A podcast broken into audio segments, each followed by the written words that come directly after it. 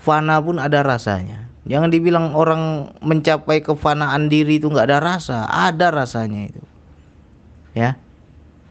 Jangan dibilang nggak ada. Bang, aku mencapai fana, Bang. Nggak ada lagi diriku, Bang. Bagaimana kita bisa sadar kalau nggak ada rasa? Ya. Mungkin yang kita yang kita apa? Yang tidak ada tidak ada lagi rasa itu terhadap diri kita, tapi terhadap Allah pasti ada rasanya. Ya. Ketika yang wujud hanya Dia, tidak ada lagi lah diriku. Ya. Tidak ada lagi diriku. Itulah wilayah fana itu. Yang kusaksikan hanya Dia. Yang kulihat hanya Dia. Yang ku ketahui hanya Dia ya. Tapi bukan berarti kita nggak ada rasa. Jadi rasa ini di situ ada suatu apa ya berkaitan sama ingatan. Ya. Bang saya DN saya berzikir. Sudah sampai bang di wilayah fana. Coba kamu ceritakan bagaimana fana itu? Nggak bisa dia ceritakan. Ya Aku nggak bisa cerita bang, tapi aku ingat bang. Tapi nggak bisa aku ceritakan. Nah, itu benar. Tapi kalau nggak ingat sama sekali, ya berarti kamu belum sampai fana. Ya, berarti kamu ketiduran itu bukan fana. Fana jasadmu, fana juga jiwamu, kesadaranmu. Akhirnya nggak ingat.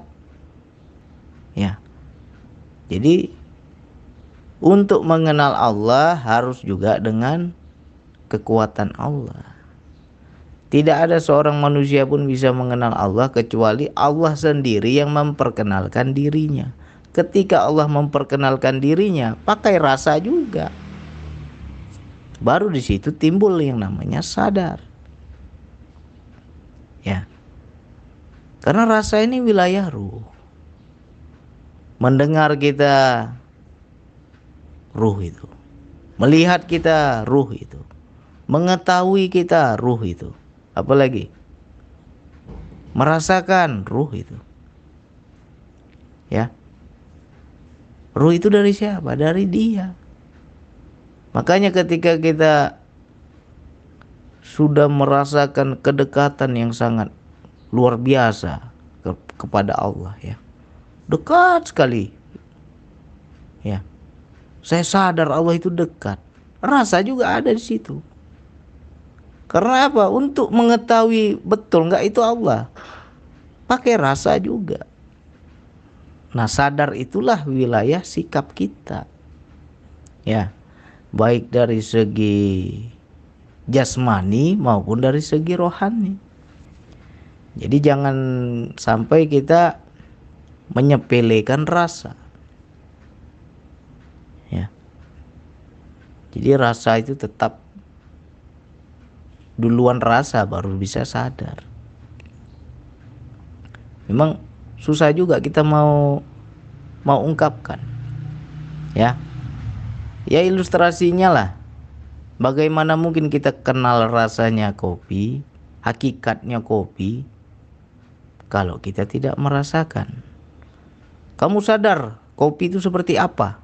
Gak bisa sadar karena kita belum merasa. Ya. Rasa dulu baru sadar. Ya contohnya lagi antara rasa dan sadar. Apa ya? Mungkin ada orang yang nakal lah kalau dibilang. Nakal dia, bandel dia. Misalnya mencopet lah dia kan. Copet dia. Sudah berapa kali dia mencopet? Dia curi uang orang aman-aman aja. Tapi ketika suatu ketika ketangkap dia. Ya. Begitu ditangkap, dia rasakan dulu perihnya ditangkap itu. Aku sakit kali kemarin. Kenapa? Digebukin orang aku.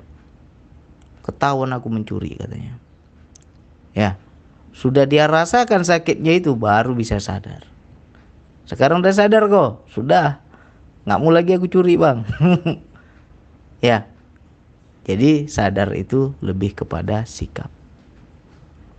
Melalui rasalah baru ada sadar. Memang sadar ini wilayah tinggi. Ya tapi jangan kita bilang kamu sadar aja sadar. Nggak bisa kalau nggak ada rasa. Harus lewat rasa baru bisa sadar. Ya. Kenapa sih kamu begini terus hidupmu. Ya misalkan anak kita lah.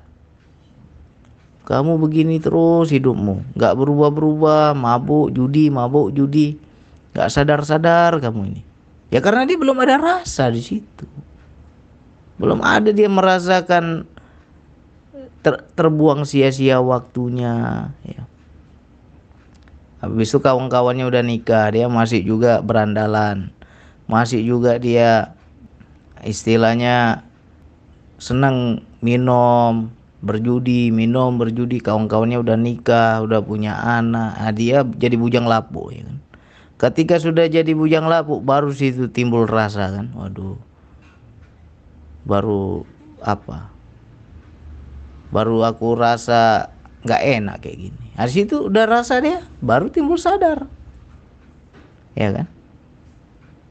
Jadi sama halnya kita kenapa kita ketika kita kotor. Ya coba itu wilayah rasa ini kalau kita pelajari ini luas ini. Dengan rasa itulah Allah berbicara. Kalau kita mau paham ya. Contohnya saja ginilah. Sudah bau badan kita. Bekerja kita seharian banyak bercucuran keringat. Harinya terik lagi panas lagi harinya keluar keringat sangat banyak. Bau badan kita kan. Apa rasa pertama yang diberikan oleh Allah? Rasa pertama bau badan. Ya itu satu bahasa itu. Kalam itu sebenarnya. Bau badan kita. Apalagi muncul rasa yang kedua? Rasa yang kedua adalah nggak nyaman karena bau badan tadi. Pertama rasa bau dulu yang kedua baru timbul rasa nggak nyaman. Aduh bau kali lah. Ya.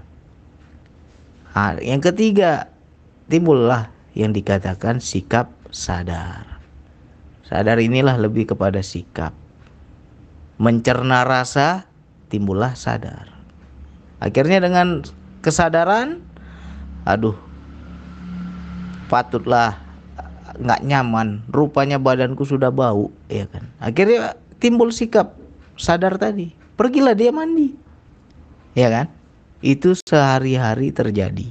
Setiap hari terjadi. Tapi kita nggak pernah mau belajar nggak pernah kita mau peka. Sebenarnya nggak susah belajar rasa itu.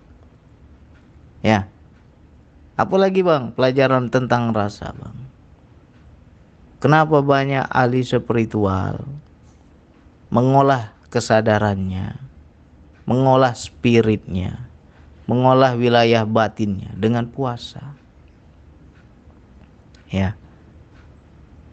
Biar dia rasa itu. Ya. Di dalam dirinya itu nafsunya bicara, apalagi hatinya bicara, godaan dari luar uh, bisa nggak dia menolak egonya, Nah, di situ kan timbul itu apa batiniah kita. Selama ini yang kita kasih senang itu hanya jasad, hanya hanya daging kita ini aja yang kita kasih senang. Ya, semua mau enak. Makan mau enak, tidur mau enak. Ya kan? Nggak mau susah, nggak mau capek, maunya yang mudah-mudah. Tapi kenapa kita bersusah payah dengan puasa itu? Aku capek bang kerja bang. Haus bang. Tapi kenapa nggak boleh minum? Nggak boleh makan. Nah di situlah kita belajar mengenal jiwa itu yang mana ya. Makanya banyak hidup spirit kita itu dengan berpuasa. Sama halnya di zikir nafas kenapa zikir nafas nggak boleh bergerak sedikit pun? Kenapa harus diam seperti patung? Ya biar kita paham rasa biar peka rasa di batin niat kita jadi bukan rasa di jasad tapi rasa di batin kita. Kita matikan semua indrawi jasad kita. Masuklah kepada jiwa. Ya. Nah, dengan rasa jiwa inilah baru kita nanti bisa menangkap yang namanya rasa ketuhanan, rasa ilahi. Di situ baru timbul sadar. Ya. Ketika kita sering terlatih, sering terlatih, di situ kita baru paham kalam-kalamnya. Ada orang susah bang, aku kayak kayak disuruh bang, tolong orang itu. Ya sudah, tolong aja, ya kan? Habis itu kita lagi kerja, dipancing ego kita sama teman kerja. Aku ada yang perintahin bang, jangan kamu lawan, kamu sabar aja. Nah itu juga rasa itu, ya. Berkaitan sama ayat tadi, Allah mengeluarkan kamu tidak mengetahui apa pun. Ketika kamu keluar dari perut ibumu nggak tahu apa-apa. Lalu Allah berikan pendengaran, penglihatan, dan hati. Hati ini luas. Rasa itu juga hati. Ya. Nah, tinggal bagaimana kita menyikapi rasa ini. Jangan sampai kita merasa-rasa. Kalau merasa-rasa itu namanya meraba-raba. Nggak jelas. Tapi kalau orang rasa misalnya kan gini lah. Terkena lah kaki kita kenal pot motor ya kan. Panas kan. Pertama rasa dulu tuh. Panas kaki kita. Baru sadar. Sadar. Ketika sadar baru kita tarik kaki kita. Melompat kita. Ya kan. Nah begitulah antara rasa dan sadar. Rasa suatu indera kita baik di rohani, baik di jasmani ya untuk menangkap suatu pesan. Nah, sadar ini lebih kepada sikap. Lebih kepada perbuatan. Ya. Jadi teman-teman mudah-mudahan paham. Makanya kita kalau mau kaji-kaji antara rasa dan sadar ya sadar ini udah tertinggi. Kesadaran jiwa itu sudah wilayah tinggi itu ya. Harus peka dulu rasanya baru bisa sadar. Ya. Jadi ya kita belajarlah dari kehidupan itu. Banyak sekali contoh-contoh di kehidupan. Ya kan? Jadi contohnya lagi macam ayah saya itu almarhum. Berapa tahun tuh ayah saya pikun. Tidak ingat apa-apa. Duduk di mana pun kencing dia ya. Duduk di ruang tamu kencing di situ lagi jalan kencing dia kececer-cecer itu. Ya kan? Kenapa dia kok nggak ada kesadarannya? Karena nggak ada rasa lagi. Hilang rasa hilanglah sadar. Ya. Makanya kita di sini harus banyak bersyukur. Rasa itu sudah wilayah ruh. Ya. Ruh dari Allah. Dengan ruh itulah kita bisa mengetahui, kita bisa mengingat, kita bisa menterjemah, kita bisa mengerti, kita bisa memahami. Coba kita manusia ini nggak ada rasa, dicabut sama Allah ya sama aja kayak zombie kita ini, ya. Gak usah lah rasa rasa yang gimana gimana. Mati sebelah badan kita kayak orang stroke gitu Gak ada lagi rasa tangannya itu, gak ada lagi rasa kakinya itu. Bisa apa dia? Ya kan? Makanya kita banyak-banyak bersyukur. Dengan rasa itu Allah bicara. Dengan rasa Allah itu berkata-kata. Dengan rasa kita bisa memahami kalam-kalamnya. Ya. Banyaklah contoh-contoh di kehidupan. Dikasih penglihatan kata Allah. Kami kasih pendengaran, penglihatan dan hati. Nah, contoh kita rumah rumah kita masih hidup lampu nih. Ya kan? Masih hidup lampu rumah kita. Awalnya gelap. Langit masih gelap. Subuh ya kan? Tiba-tiba jam 6 pagi, jam 7 pagi sudah mulai itu langit terang. Sudah mulai naik matahari. Melihat kita matahari, melihat kita cuaca yang terang itu. Di situ timbullah yang namanya sadar. Eh, sudah terang. Ketika kita sudah sadar, kita matikan semua lampu yang di rumah kita. Ya kan? Kita matikan. Di situ sebenarnya Allah bicara sebenarnya. Ya, Allah memberitahu, Allah berkata-kata. Cuman kita nggak pernah menyentuh wilayah ini. Kita anggap itu sesuatu yang lumrah yang terjadi begitu aja. Padahal sejatinya di situlah yang dikatakan Allah Maha mengatur ya jadi jangan sampai kita segala sesuatu kita bilang ah karena aku karena aku karena aku nggak ada semua karena Allah itu siapalah kita ya mau hebat apa kayak mana pun pangkat kita mau mulia kayak mana pun diri kita ya. Mau suci kayak mana pun diri kita kalau nggak ada rasa dari Allah mau jadi apa kita? Jadi jangan kita pernah merasa bangga merasa hebat merasa paling dekat sama Allah. Merasa seolah-olah sudah dapat kunci surga ya. Kalau kita nggak pernah menyadari nggak pernah merasakan sejatinya itu semua dari Allah. Ya sama aja kita mensekutukan Allah. Ya kan?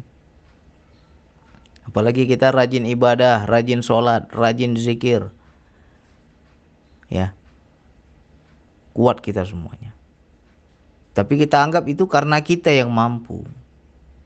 Tapi kita nggak paham siapa yang memberi rasa ya kan siapa yang memberi ruh? Siapa yang memberi penglihatan? Siapa yang memberi pendengaran? Siapa yang memberi hati? Ya jadi jangan pernah kita sombong merasa paling taat ibadah. Terkadang banyak orang semakin paham agama semakin sombong. Merasa dia yang paling mulia ya kan? Tapi dia nggak paham wilayah rasa ini andai kata nggak dikasih ruh sama Allah tadi apa bisa kita menghafal Al-Quran ya apa bisa kita sholat dengan sempurna kalau nggak kalau kita nggak dikasih rasa ya seperti akal, pikiran, ingatan, itu semua sebenarnya sejatinya ya ruh itu. Ya. Allah kasih pendengaran, Allah kasih penglihatan, Allah kasih hati. Makanya semakin kita dekat kepada ajal, semakin tua itu ruh pelan-pelan itu dicabut. Bang, aku kok pendengaranku sudah mulai lemah bang. Nggak kayak dulu bang. Ya kan? Nah, makanya semakin tua umur kan semakin lemah.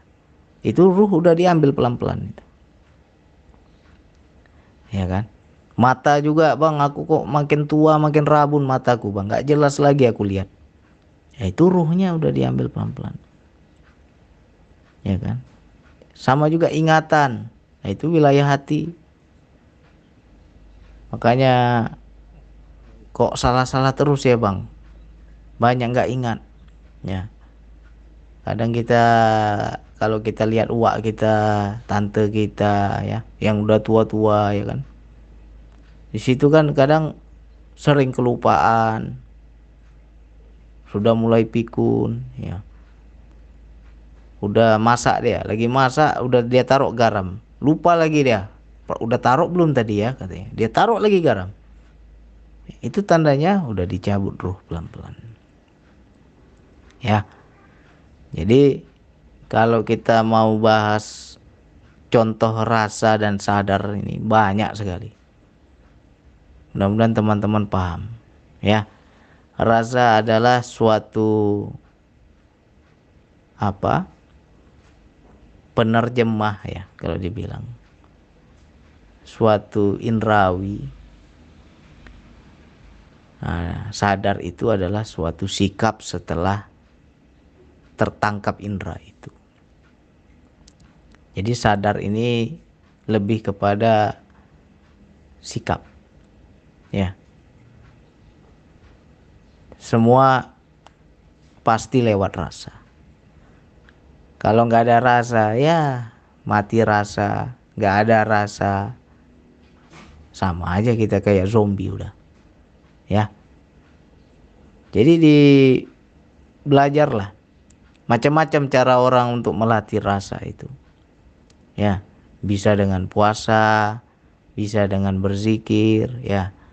Bisa dengan ya kalau kita mau ikutin cara orang terdahulu ya berat-berat lah. Sangat berat itu untuk melatih rasa itu sangat berat. Makanya kita di zikir napas itu sebenarnya melatih rasa itu ya. Kita harus peka pada rasa kita harus bisa membaca rasa. Ini rasa siapa ini? Ya. Kenali pelan-pelan rasa itu. Baru sikap sadar itu ada. Ya kan? Jadi untuk mencapai itu semua ya butuh gemblengan. Gemblengan spiritual. Barulah di situ kita paham. Ya mudah-mudahan ini bisa dipahami. Untuk kawan-kawan semua saudaraku semua rasa dan sadar itu sebenarnya ya sama aja. Ya. Sama aja. Cuman lebih tinggi sadar. Karena sadar itu ending setelah rasa. Rasa dulu baru ada sikap sadar. Ya, nggak ada orang main sadar-sadar aja kalau nggak nggak lewat rasa. Harus tetap ada rasa. Sama halnya ketika kita fana. Aku merasakan fana, Bang. Ya, Aku sadar aku fana bang. Ya rasa juga ada di situ. Jangan dibilang rasa nggak ada. Ya. Kalau ada orang bilang aku ketika fana nggak ada rasa, ya berarti belum paham fana itu. Ya, spiritual tertinggi fana itu pun ada rasanya. Karena apa? Kok bisa dibilang ada rasa bang? Ya kita ingat apa yang terjadi. Kecuali kita nggak ingat apa-apa ya berarti kamu nggak ada rasa, mati rasamu, ya kan? Nggak sadar berarti di situ. Nah, kalau kita betul-betul sadar itu pasti ada rasa. Nggak bisa terjadi sadar kalau nggak lewat rasa, ya. Jadi di anulah dibaca terus dalam kehidupan kita dari hal-hal kecil terjemahkan terus ya. Banyaklah contoh-contoh. Aku rasa bau bang badan ini. Nah sekarang sadar kamu. Apa ya sikap sadarmu? Ya pergi mandi lah dia. Ya kan? Kalau udah bau juga nggak mau mandi ya nggak sadar itu. Berarti udah mati rasa. Makanya banyak orang senang mencuri senang korupsi senang buat jahat ya. Karena dia mati rasa itu. Nggak tahu dia itu mana benar mana salah. Kalau hidup rasanya pasti sadar. Selagi dia belum bisa sadar berarti rasanya mati. Dianggap itu sesuatu yang biasa. Ya. Oke, mudah-mudahan ini bisa dipahami untuk saudaraku, untuk sahabatku semua. Jadi kita tetap lewat rasa ya. Banyaklah contoh-contoh lain lah kita dikejar anjing aja. Apa yang muncul duluan? Hmm? ada nggak orang dikejar anjing langsung sadar dia dikejar? Nggak. Muncul dulu rasa. Takut dulu dia. Ya kan? Takut dia. Merasa terancam dia. Ketika dia sadar dia terancam larilah dia. Itulah yang dikatakan sadar. Lari. Coba orang gila nggak ada rasa dia. Digonggong biasa aja dia nggak ada rasa. Bisa-bisa digigit dia. Ya kan? Karena nggak muncul kesadaran karena rasanya mati.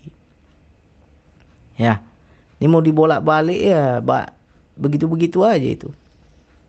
Jadi rasa dulu baru sadar.